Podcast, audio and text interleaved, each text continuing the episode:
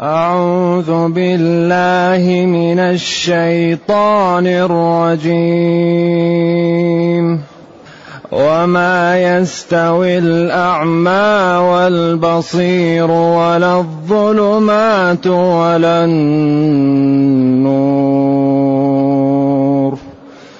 ولا الظل ولا الحرور وما يستوي الأحياء ولا الأموات.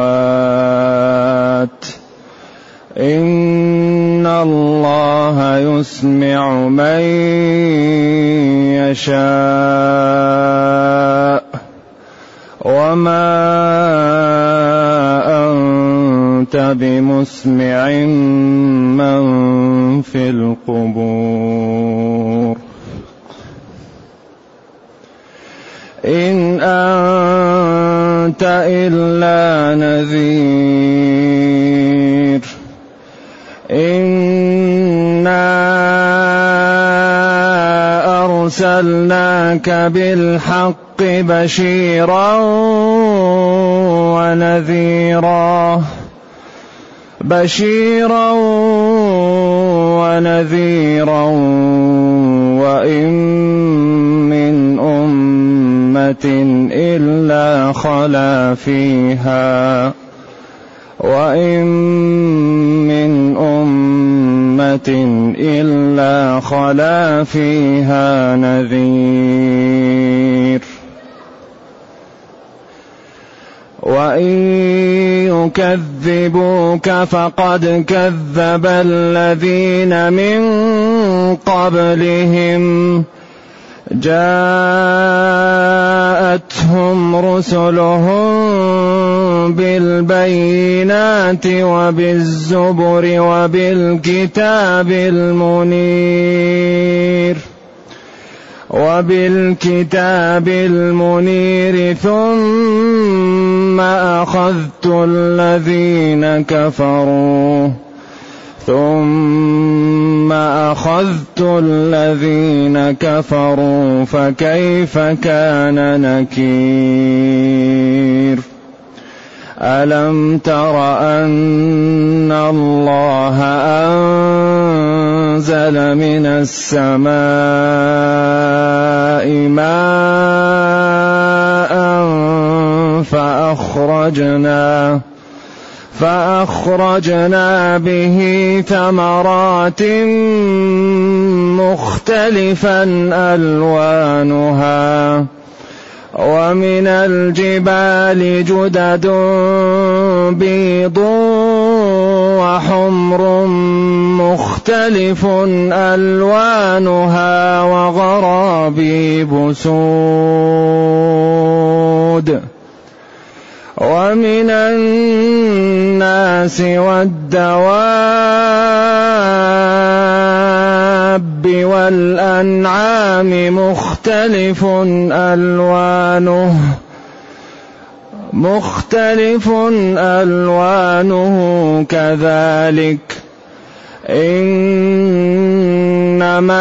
يخشى الله من عباده العلماء. إن الله عزيز غفور. إن الذين يتلون كتاب الله إن الذين يتلون كتاب الله وأقاموا الصلاة وأنفقوا وأنفقوا مما رزقناهم سرا وعلانية يرجون تجارة يرجون تجارة لن تبور. ليوفي ليوفيهم أجورهم ويزيدهم من فضله ويزيدهم من فضله إنه غفور إنه غفور شكور. الحمد لله الذي أنزل إلينا أشمل كتاب وأرسل إلينا أفضل الرسل وجعلنا خير أمة أخرجت للناس. فله الحمد وله الشكر على هذه النعم العظيمة والآلاء الجسيمة والصلاة والسلام على خير خلق الله وعلى آله وأصحابه ومن اهتدى بهداه. ما بعد فإن الله تعالى يبين الفرق بين الشريحتين وما يستوي الأعمى والبصير. ما؟ نافية أعمى أعمى البصر وأعمى البصير. والبصير المبصر ببصره وبصيرته. فإنها لا تعمى الأبصار ولكن تعمى قلوب الإنسان يرى بقلبه. لذلك إذا فقد الإنسان العقل تراه يضرب في كل شيء. فالذي يبصر حقيقة هو القلب. إذا هنا أتى بأربع صفات مقابل أربع صفات. بين أن الكافر والمسلم لا يستويان وأن الكفر والإيمان لا يستويان. أن الكافر اسم فاعل والمسلم لا يستويان والكفر مصدر والإسلام لا يستويان. ثم دلل على ذلك وأيقظ العقول لتتنبه. لأن هذا الكتاب جاء ليخاطب الشريحة التي لها مروءة ولها عقل ولها أحاسيس ولها فهم. هي التي تستوعب هذه الأساليب الرفيعة فتستفيد منها فتعز نفسها وأمتها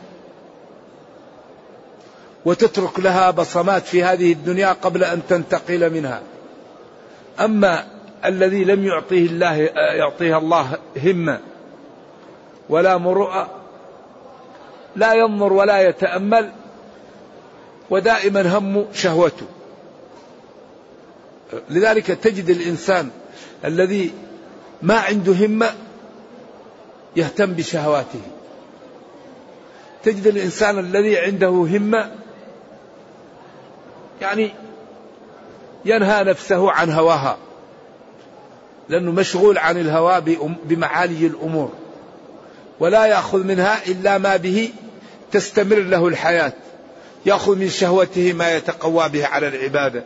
ما يتقوى به على الإنتاج. أما يكون الإنسان الشهوة لأجل الشهوة. نهارك يا مغرور سهو وغفلة وليلك نوم والردى لك لازم وتشغل فيما سوف تكره غبه.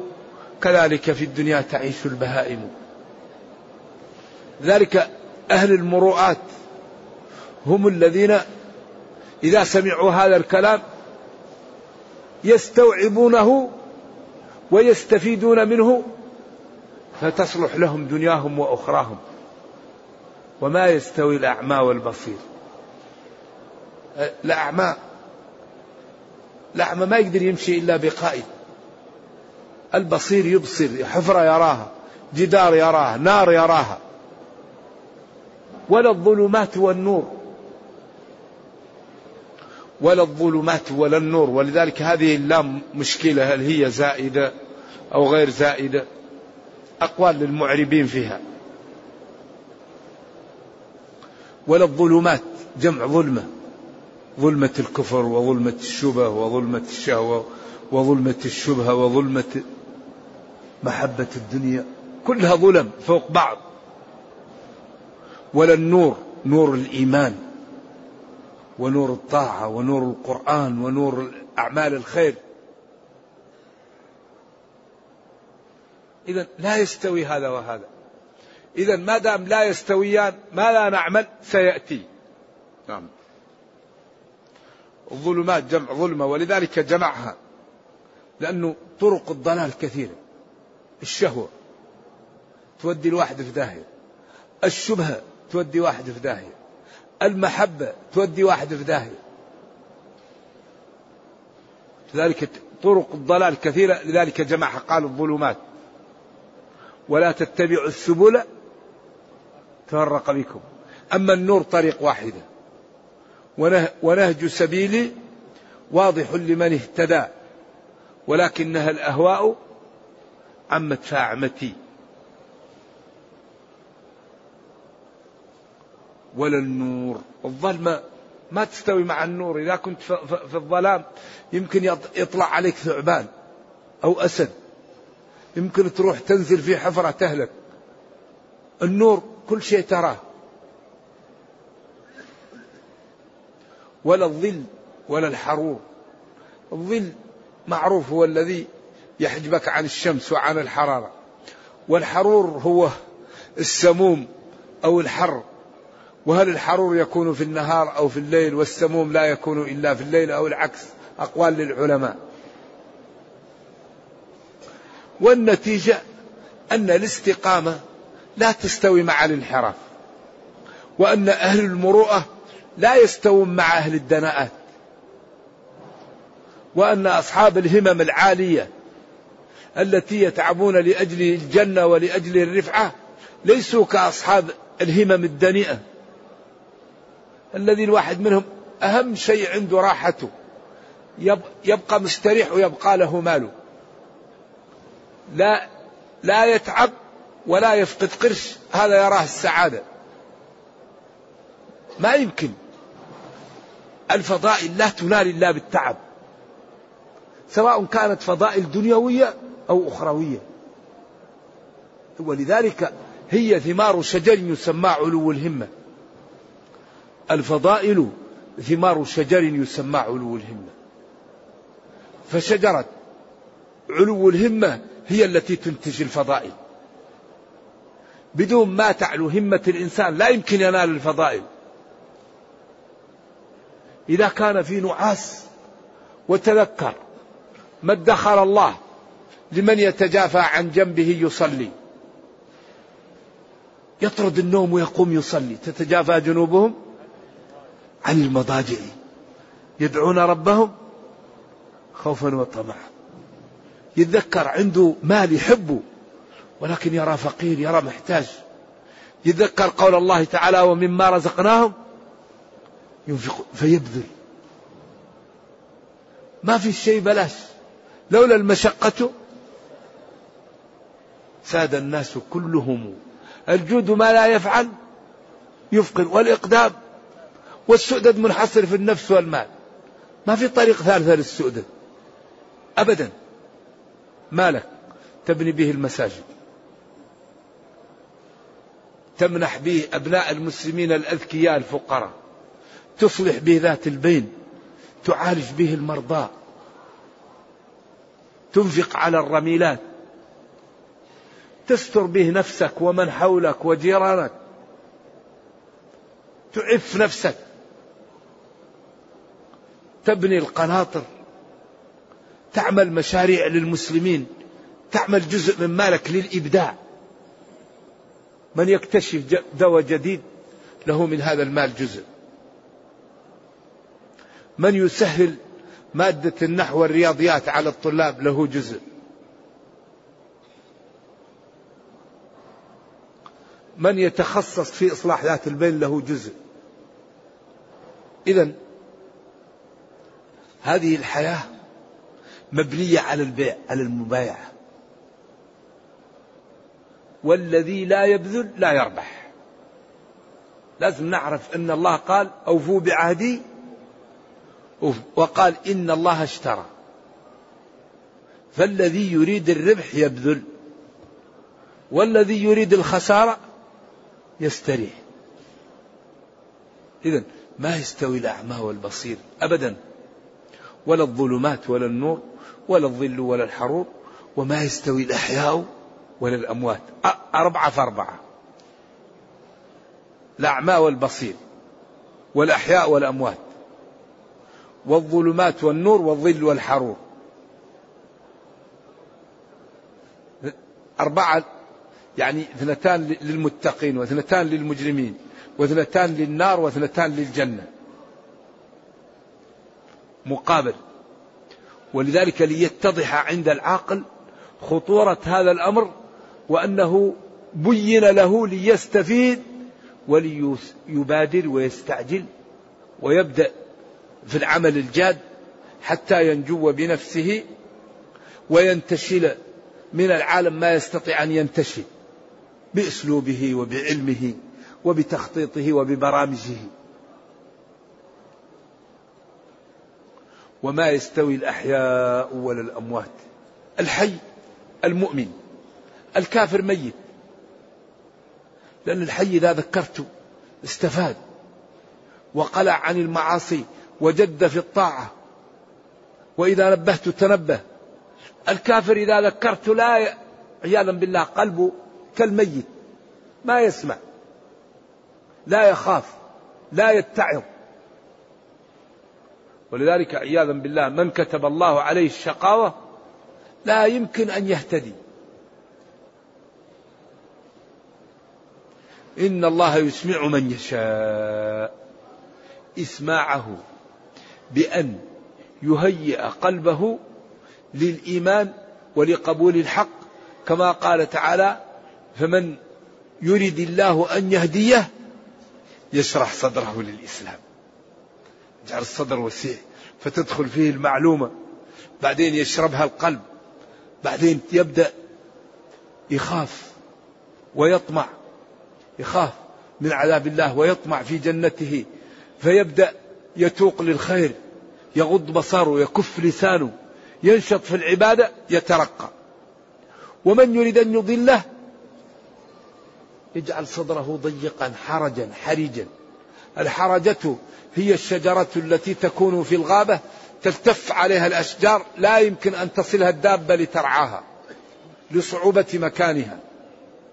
ثم عبر عن الضيق بالحرجة لأن العرب يعرفون الحرجة فإذا عبر لهم يفهمونها جيدا والقرآن بلسان عربي مبين.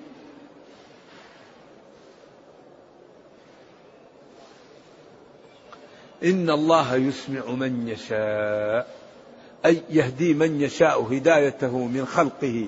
فإذا سمع الآية تاب وإذا سمع الموعظة فهم وإذا سمع الوعيد خاف.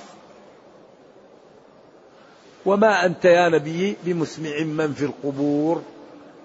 وهؤلاء الكفار هم كأنهم أموات كأهل القبور لأنهم لا يتعظون ولا يسمعون ولا يفهمون. فما لك أن ما يمكن أن تسمعهم. وهذا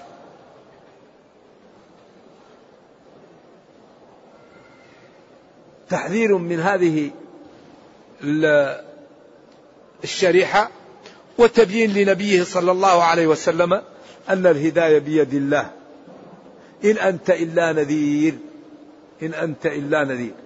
أي ليست لك القدرة على إدخال المعلومة في قلوب عبادي.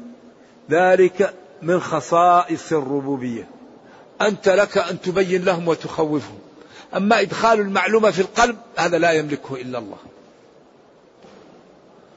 إنك لا تهدي من أحببت ولكن الله يهدي من يشاء. لكن أنت تبين وتوضح وتخوف كما قال وإنك لتهدي إلى صراط إلى شريعة وإلى طريق واضحة. من أطاعني دخل الجنة ومن عصاني دخل النار. إني آخذ بحجزكم عن النار وأنتم تتقحمونها كالفراش. إن أنت ما أنت إلا نذير مخوف. مبلغ الناس. نعم. أما إدخال المعلومة في القلب هذه لا يملكها إلا الله. والنبي صلى الله عليه وسلم عليه البيان. ولذلك بعض الصحابة بين له بين له بين له وما فهم. وبعض الصحابة يفهم في أول شيء. عمر رضي الله عنه وهو هو سأل النبي صلى الله عليه وسلم عن الكلالة. وسأله عن الكلالة. بعدين في النهاية ضربه في كتفه والحديث في البخاري. وقال له تكفيك آية الصيف. تكفيك آية الصيف. ظهر أن الآية الأخرى اللي في أول السورة نزلت في الشتاء أو في الخريف. لأنه قال تكفيك آية الصيف. هذه نزلت في الصيف. وعمر يقول ما سألت رسول الله صلى الله عليه وسلم عن شيء أكثر من الكلالة؟ وإني أقول فيها برأيي. وبعدين الكلالة مصرح بها في آية الصيف. يستفتونك قل الله يفتيكم في الكلالة إن امرؤ هلك ليس له ولد. هذا نص صحيح واضح صريح. وبعدين وله أخت فلا نصف ما ترك. والأخت لا ترث النصف لا مع الأب ولا مع الجد ولا مع جد الجد. فتبين أن الكلالة انعدام الأصول والفروع. نعم. وإنما الكلالة من الكل وهو التعب وأن تكون الورثة حواشي. لكن الكلالة تقال للمال وتقال للوارث وتقال للمورث. مال كلالة ووارث كلالة وموروث كلالة فيمكن لهذا الاشتراك هو اللي لبس عليه رضي الله عنه. وفاطمة رضي الله عنها والعباس نبينا صلى الله عليه وسلم قال لا نورث لا نورث. معاشر الأنبياء لا نورث. وبعدين العباس وفاطمة جاءوا لأبي بكر يريدون ميراثهم من النبي صلى الله عليه وسلم. فقالت لها عائشة لا نورث. النبي صلى الله عليه وسلم قال لا نورث. هي رضي الله عنها قالت عجيب أنت ترث أباك وأنا لا أرث أبي؟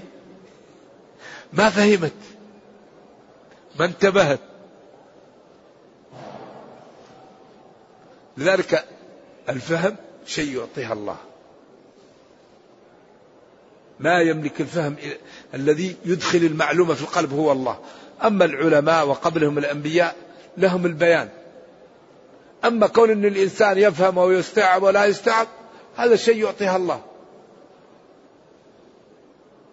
ولذلك من العلماء كانوا قال الشيخ الإسلام بن تيمية كان يقرأ الكتب ويقول يا مفهم داود فهمني يا يا ويا معلم يا معلم داود علمني ويا مفهم سليمان فهمني. لأن لأن الفهم شيء يعطيها الله. وما أنت بمسمع من في القبور؟ القبور. بعدين هنا اختلفوا. هل أهل القبور يسمعون ولا يسمعون؟ خلاف بين العلماء طويل عريض. كتب فيه ابن القيم كتاب الروح. وتكلم فيه. وقد ذكر الوالد الأقوال في سورة النمل. في آية وما أنت بمسمع من في القبر في النمل أظن في آخر النمل.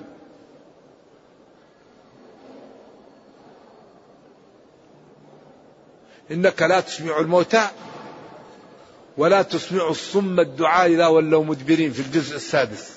تكلم وناقش القضية وهو خلاف بين العلماء من قديم. فبعضهم قال أهل القبور لا يسمعون. وبعضهم قال لهم سماع خاص. والذين قالوا لا يسمعون قال الآية وما أنت بمسمع من في القبور. والذين قالوا يسمعون قال النبي صلى الله عليه وسلم خاطبهم يوم بدر. فالذين قالوا لا يسمعوا قالوا هذه قضية عين لا يقاس عليها. لذلك قالوا أيضا إن الميت لا يسمع قرع نعال أهله. بعدين قالوا يجيه منكر ونكير. ويقعدانه في قبره ويسألانه من ربك؟ ما دينك؟ ما لا فهنا خلاف بين العلماء. و أيضا الذهاب للقبور. السلام عليكم أهل الديار من المؤمنين. نعم يسلم عليهم. والقضية فيها خلاف قديم والله أعلم يعني. تحتاج إلى مزيد بحث. وكل قول له وجاهة من جهة. إن أنت ما أنت إلا نذير مخوف. من عصاك بالنار. ومبلغ. عبيدي خطورة عصياني وعدم اتباعك فيما جئتهم به. إنا أرسلناك يا نبي بالحق. أرسلناك متلبسا ومصاحبا للحق. الحق القرآن.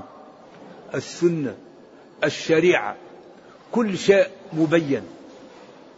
من أطاع الله دخل الجنة من عصاه دخل النار. الظلم ظلمات. الذي يطيع ينجو بالحق. الذي لا وراء وراءه ولا لبس فيه. بشيرا لمن أطاعك بالجنة ونذيرا لمن عصاك بالنار. بشيرا ونذيرا. وإن من أمة إلا خلا فيها نذير. إن نافية. ما من أمة من الأمم قبلك إلا أرسل لها رسول بين لها شرعها ووضح لها النهج الذي ينبغي أن تسلكه لأن الله لا يعذب الأمم إلا بعد قيام الحجة. وما كنا معذبين كان بعث رسولا. رسلا مبشرين ومنذرين لئلا يكون للناس على الله حجة بعد الرسل. كلما ألقي فيها فوج سألهم خزنتها ألم يأتكم نذير؟ قالوا بلى قد جاءنا نذير فكذبنا. أما أهل الفترة فالتحقيق عند المحققين أنهم توقد لهم نار يوم القيامة ويؤمرون باقتحامها. فمن دخلها كان في علم الله أنه من أهل الجنة ومن امتنع من دخولها كان في علم الله أنه من أهل النار. وهذا نصره الحافظ بن كثير في تفسيره ونصره الوالد أيضا في أضواء البيان لأنه وردت فيه آثار. وإن استبعد ذلك ابن عبد البر حافظ أيوة. ابن عبد البر النمري صاحب الاستيعاب والاستذكار وقال إن الآخرة ليست دار تكليف واستبعد هذا لكن هذا وردت فيه النصوص والنص مقدم. نعم هذا الذي يظهر والله أعلم. وإن يكذبوك يا نبي قومك فقد كذب الذين من قبلهم. هذه تسلية للنبي صلى الله عليه وسلم وتخفيف عليه لأنه كان يتألم من تكذيب قومه. ويحزن.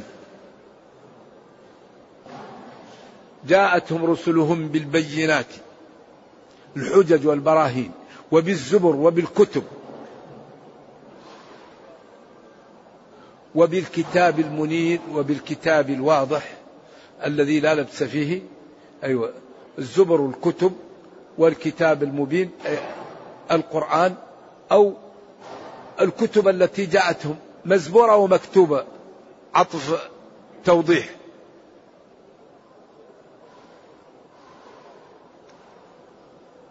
وإن يكذبوك فقد كذب من قبلك من الأمم. جاءتهم رسلهم بالبراهين الواضحة من كتب ومن براهين وأدلة فلم يؤمنوا وكفروا فأخذتهم بالعقوبة. لأن هذا مفهوم من مقتضى الكلام. ثم بعد أن كذبوا ولم يقبلوا أخذت الذين ظلموا أخذت أخذت الذين كفروا فكيف كان إنكاري عليهم نكيري؟ ولذلك إن الله لا يملي للظالم حتى إذا أخذه لم يفلت. وكذلك أخذ ربك إذا أخذ القرى وهي ظالمة إن أخذه أليم شديد.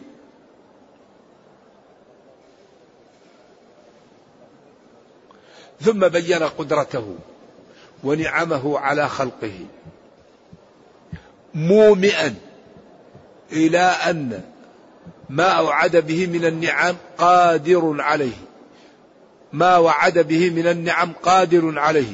وما أوعد به من النقم قادر عليه. هذه دلالة على القدرة الهائلة فهو قادر على أن يعاقب من عصاه وعلى أن يكرم ويعز من أطاعه. ألم ترى أن الله بقلبك وببصرك أنزل من السماء ماء فأخرجنا به ثمرات ثمرات مختلفا. إيش أعراب مختلفا؟ سهلة. صفة ليش؟ ثمرات. طيب ثمرات مجرورة مختلفة منصوبة كيف؟ هذا واضح. ولذا لو ما أن الناس بينها عداء شديد مع مع النحو ما نسأل من هذا السؤال. أيوه. وما بتاء وألف قد جمع يكسر في الجر وفي النصب معا أيوه. ثمرات مختلفا.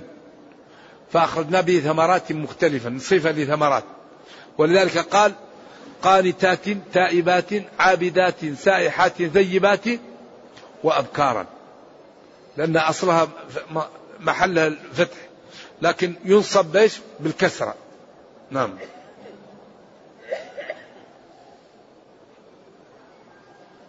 ولا سبيل للقوة في العلم إلا بفهم العربية. ينبغي أن يعلم طلاب العلم أن سبب الضعف المستشري بينهم ناشئ عن أمرين. الأمر الأول عدم حفظ المتون. الأمر الثاني الضعف في العلوم المساعدة.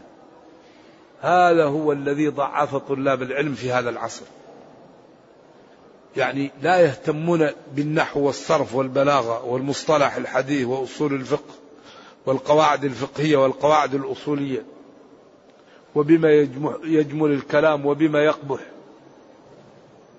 هذه الأمور لا يهتم بها الطلاب ولا يحفظون متون فسبب ذلك شيخوخة مبكرة في العلم في العالم الإسلامي الآن.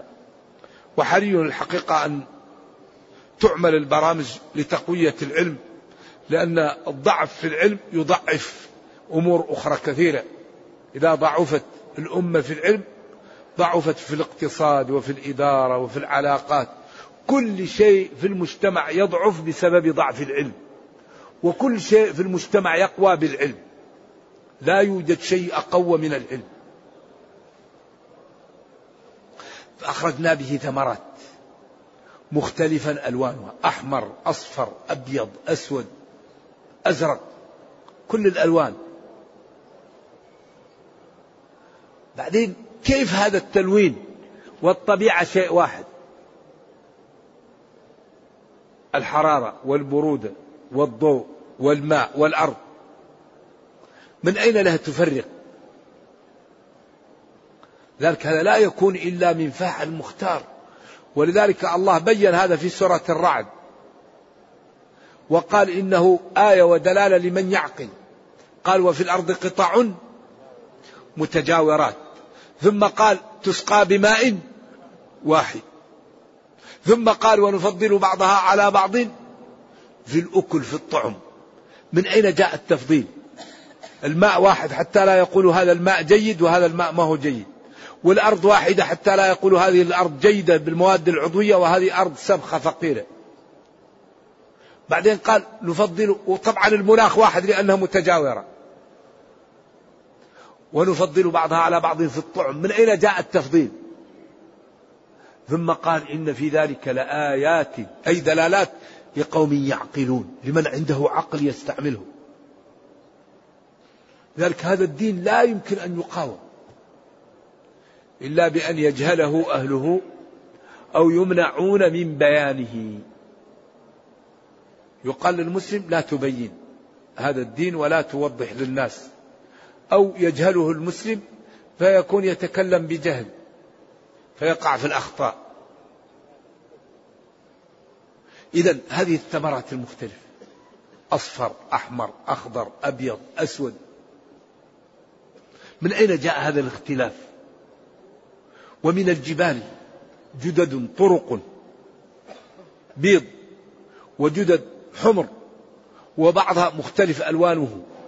شوف الجبل لكن فيه كذا طريق خط أبيض خط أحمر.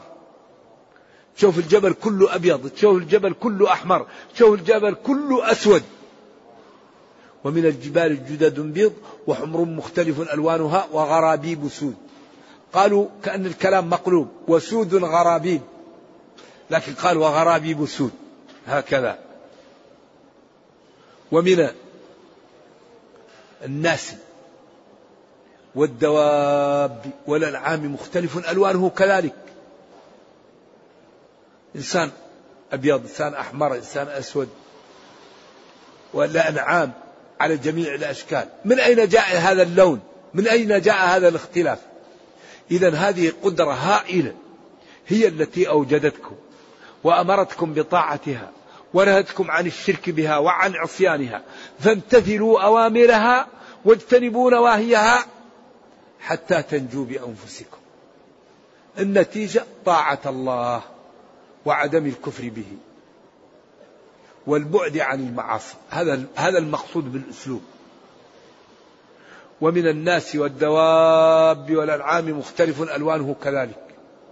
أي كذلك. ومنهم من جبله الله على التقى. ومنهم من جبله على العصيان.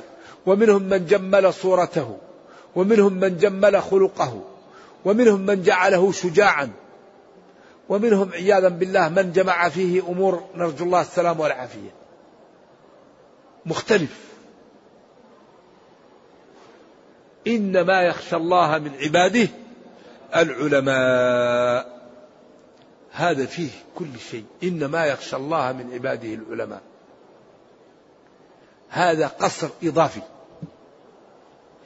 أي لا يخاف الله كل الخوف إلا من كان عالما بما عند الله للمتقين عالما بما عند الله للمجرمين عالما بقدرة الله تعالى وأنه ما تسقط من ورقة إلا يعلمها عالما بشمول إرادته وأنه إذا أراد شيئا أن يقول له كن فيكون عالم بأنه يأخذ الظالم أخذا شديد عالم بأنه يغدق على من أطاعه وأنه يده ملآ سحاء وأنه لا يرد سائلا. ادعوني أستجب لكم.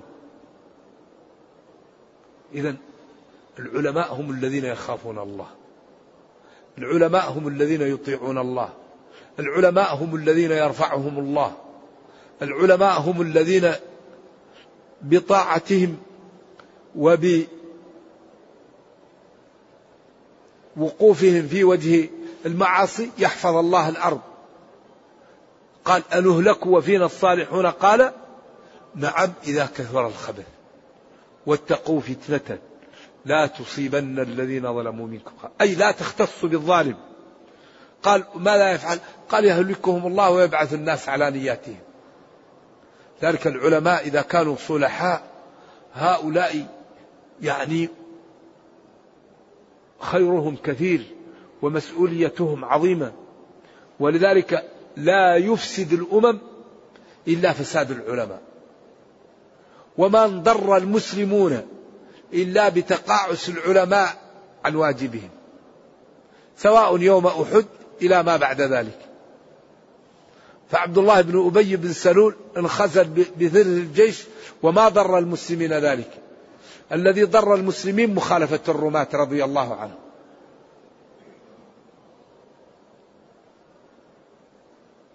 ولذلك العلماء عليهم مسؤولية عظيمة. وأهم شيء أن العالم لا يقول الباطل. يقول الحق أو يسكت. أما يبرمج العالم الباطل ويقول الباطل حق هذا لا ينبغي ولا يجوز. و أخذ الله على على وإذا لتبيننه للناس ولا تكتمونه وإذا أخذ الله ميثاق الذين أوتوا الكتاب لتبيننه للناس ولا تكتمونه وقال جل وعلا لا يضركم من ضل إذا اهتديتم. الاهتداء ما هو؟ الأمر بالمعروف والنهي عن المنكر. من رأى منكم منكرا فليغيره. لكن الدين يسر. فإن كان الإنسان ضعيف أعطيت له مرتبة ينجو بها ولكن ذلك أضعف الإيمان بيده فإن لم يستطع فبقلبه فإن لم فبلسانه فإن لم يستطع فبقلبه وذلك أضعف الإيمان. فديننا دين اليسر ودين السماحة ودين النزاهة ولكن حري بنا أن نفهمه. لا بد أن نعطي وقتا لهذا الكتاب. لا بد أن نعطي وقتا لديننا. نفهمه نعمل. نكف عن الحرام. نكون قدوة في الخير. أما المسلم غير مستعد ليقرأ ليعرف الواجب هذه مشكلة. ليقرأ القرآن ليعرف ما لا أوجب الله عليه ما لا حرم الله عليه.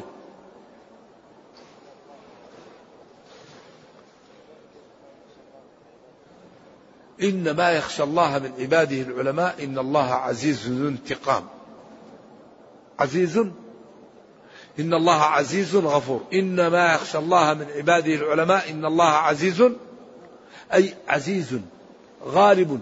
غفور لذنوب عباده إن تابوا. ولذلك بين علمه وشمول قدرته, قدرته ثم فتح الباب للتوبة. عزيز غالب. غفور كثير المغفرة لذنوب عباده. يغفر الذنوب جميعا. لكن يغفر لمن تاب. يغفر لمن خاف يغفر لمن تعلم. أما الذي لا يتعلم لا يخاف ولا يتوب. وأخطر شيء على الإنسان الجهل. لأن الجهل يقسي القلب وقساوة القلب تثبط الإنسان عن الطاعة وعدم الطاعة يوبق الإنسان. ما في شيء أضر من الجهل. أبدا. لأن الجهل صاحبه يأمن. أما الخائف يسري يدلج في الليل. إذا خاف الإنسان سرى وعند الصباح يحمد القوم السرى. إن الله عز إن الله عزيز غفور كثير المغفرة. سبحانه. بعدين بين الشريحة. لما بين وقال يستوي الأعمى والبصير ولا الظلمات ولا النور ولا الظل ولا الحرور